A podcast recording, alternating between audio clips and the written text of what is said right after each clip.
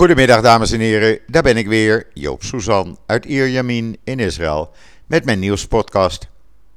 Ja, veel belangrijk politiek nieuws, maar eerst maar even het weer. Uh, 32 graden, blauwe lucht, een, uh, een berichtje en uh, ja, prima uit te houden eigenlijk. Alleen je moet niet te veel op straat doen. Zware inspanningen, want dan is het even te heet. Maar gelukkig, de auto's hebben airconditioning. En ja, dan is het prima te doen. En dan even het belangrijke nieuws hier in Israël. ja, het is, de kogel is door de kerk. de regering van Lapid en Bennett wordt komende zondag 13 juni beëdigd. Het hing er nog even om, omdat Jair Levin, de Knesset-voorzitter, de voorkeur gaf aan maandag. Maar na, uh, ja, laten we zeggen, enige openbare druk van Bennett en Lapid, heeft hij gekozen voor komende zondag. Ongebruikelijk, want normaal op zondag is er geen zitting van de Knesset. Uh, en wordt het spannend? Nou, zoals het er nu uitziet, denk ik niet. Het uh, Jamina Knessetlid Nier Orbach, uh, die werd de afgelopen dagen door honderden demonstranten betoogd voor zijn huis. In de hoop dat hij zou overlopen naar de Likud van Netanyahu. Die heeft vanmorgen gezegd dat hij heeft besloten om voor de eenheidsregering te stemmen. Het is geen eenvoudige beslissing geweest, zegt hij, maar wel een noodzakelijke in een realiteit van instabiliteit van de regering, de burgerlijke crisis, het gevoel van chaos en op de rand staan van een burgeroorlog. Ik heb besloten uh, mee te helpen daar een eind aan te maken uh, aan deze padstelling in de Israëlische politiek en vandaar dat ik voor ga stemmen. Gisteren nog kreeg hij berichten in de trant van uh, we nodigen je uit voor je begrafenis. Vanmiddag om, vijf, om drie uur. Uh, en andere uh, bedreigende berichten. Maar dat heeft dus niets geholpen. Hij stemt alsnog voor. Ik denk dat hij als beloning wel een belangrijk voorzitterschap gaat krijgen. Of misschien zelfs minister wordt. Je weet het niet. In ieder geval. Um, ja, het betekent, of het kan betekenen dat zondag dus een einde komt aan de langzittende premier van het land, Benjamin Netanyahu. Die nog steeds probeert dit tegen te gaan. Zijn laatste truc die hij nu heeft uitgehaald, is dat hij gisteravond om 10 uur een vergadering bijeen heeft geroepen. Uh, zonder de procureur-generaal. Maar wel met uh, de minister van Defensie Gans uh, hoofden van politie en andere veiligheidsdiensten om die vlaggenparade maar door te laten gaan donderdag. In de hoop dat daarna de chaos uitbreekt. Nou, Gans is erop tegen. Hij wou uh, Mandelblit, de procureur-generaal, er niet bij hebben, omdat die juridische problemen voorziet. Uh, hij wou alleen maar ja-knikkers. Het is nog niet zeker of die vlaggenparade doorgaat. En zo ja, gaat hij dan door de Damascuspoort en door bijvoorbeeld Sheikh Yara, de, wijk, de Arabische wijk in de oude stad van Jeruzalem, waar al zoveel om te doen is vanwege die mogelijke huisuitzettingen. Uh, en dan schiet je er niets mee op om spanningen uh, ten top te drijven. Het is al uh, moeilijk genoeg hier in het land. En ik vind dat door te zeggen van laten we die vlaggenparade nou even uitstellen, zo belangrijk is dat niet. In plaats van dat nationalistische en rechtse groeperingen provocerend door een Arabische wijk gaan lopen.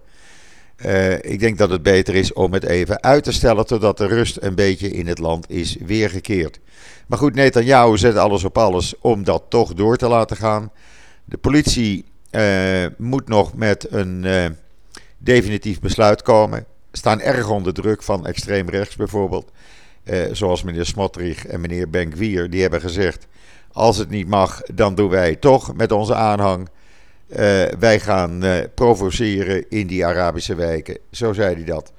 En wij doen uh, wat wij willen en niet wat de politie wil. Want Jeruzalem is van ons.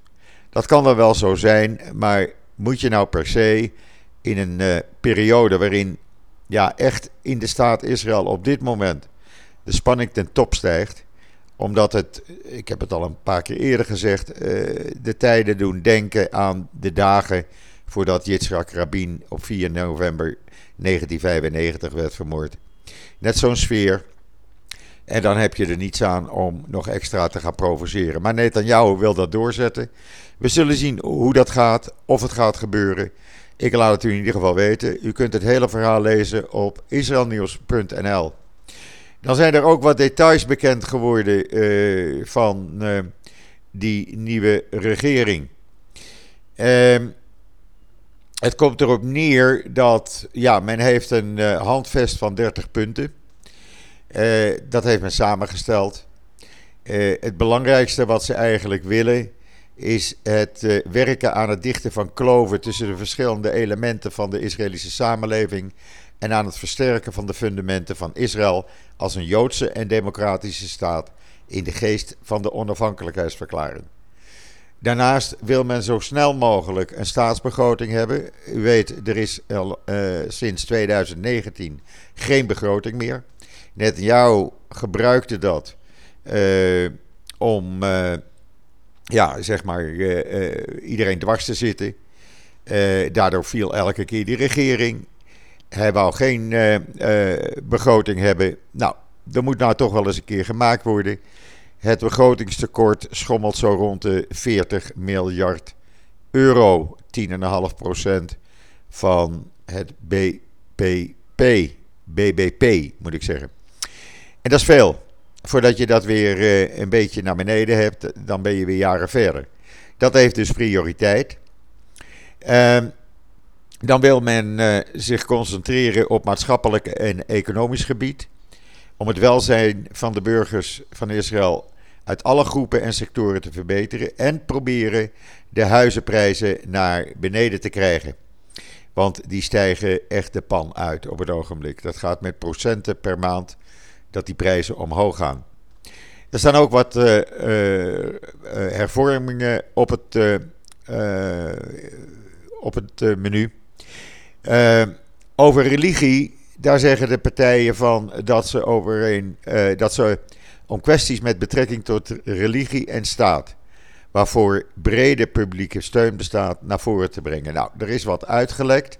Wat willen zij? Zij willen bijvoorbeeld dat plaza bij de Klaagmuur, waar dus uh, zeg maar ook liberale Joden en, en minder orthodoxe Joden kunnen bidden. Dat willen ze in ieder geval nu laten komen. In 2014 zat dat er al in. Maar dat werd toen tegengehouden door de ultra-orthodoxe partijen. En Netanyahu deed daar verder niets mee, want die wilde die steun niet kwijt. Nu zitten er geen ultra-orthodoxe partijen in deze regering op dit moment.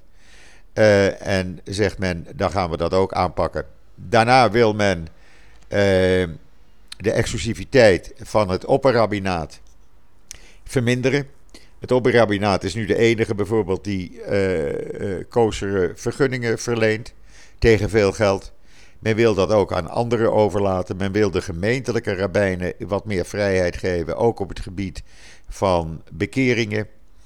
Uh, en men wil kijken naar een vorm van een burgerhuwelijk. Op dit moment zijn er tienduizenden koppels per jaar die naar Cyprus of andere landen moeten gaan om daar in het huwelijk te treden, omdat ze niet in een, uh, ja, uh, een huwelijk willen treden, wat alleen maar door een rabbijn wordt ingezegend. en zo staan er nog wat meer zaken op het menu, ja, die best eens door gaan kunnen vinden. En waarvan ik denk dat ze eigenlijk ook wel goed zijn voor het land. We leven tenslotte in 2021.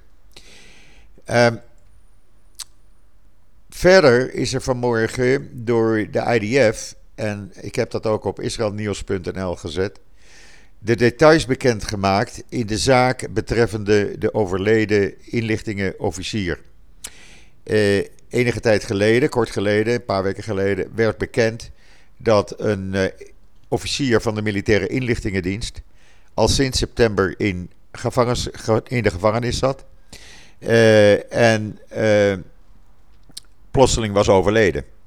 Nou, daar deden allerlei geruchten de ronde over, maar niets was er bekend omdat de censor had uh, besloten dat er niets naar buiten mocht worden gebracht. Dat is nu door een rechtszaak van een aantal kranten, waaronder Ynet en uh, nog een paar Hebreeuwse kranten, is daar gedeeltelijk uh, openheid over gekomen. Het bleek dat de officier in kwestie diende in een technologische eenheid van de inlichtingendienst. En heeft bewust acties uitgevoerd die de nationale veiligheid ernstig hadden kunnen schaden. Hij deed dat op eigen houtje. Hij was, deed dat niet op uh, instigatie van een buitenlandse partij of ideologische of nationalistische uh, motieven. Uh, hij deed dat op persoonlijke redenen. Maar de man plotseling in de gevangenis overleden. En ja, er kwamen allerlei uh, verhalen eronder.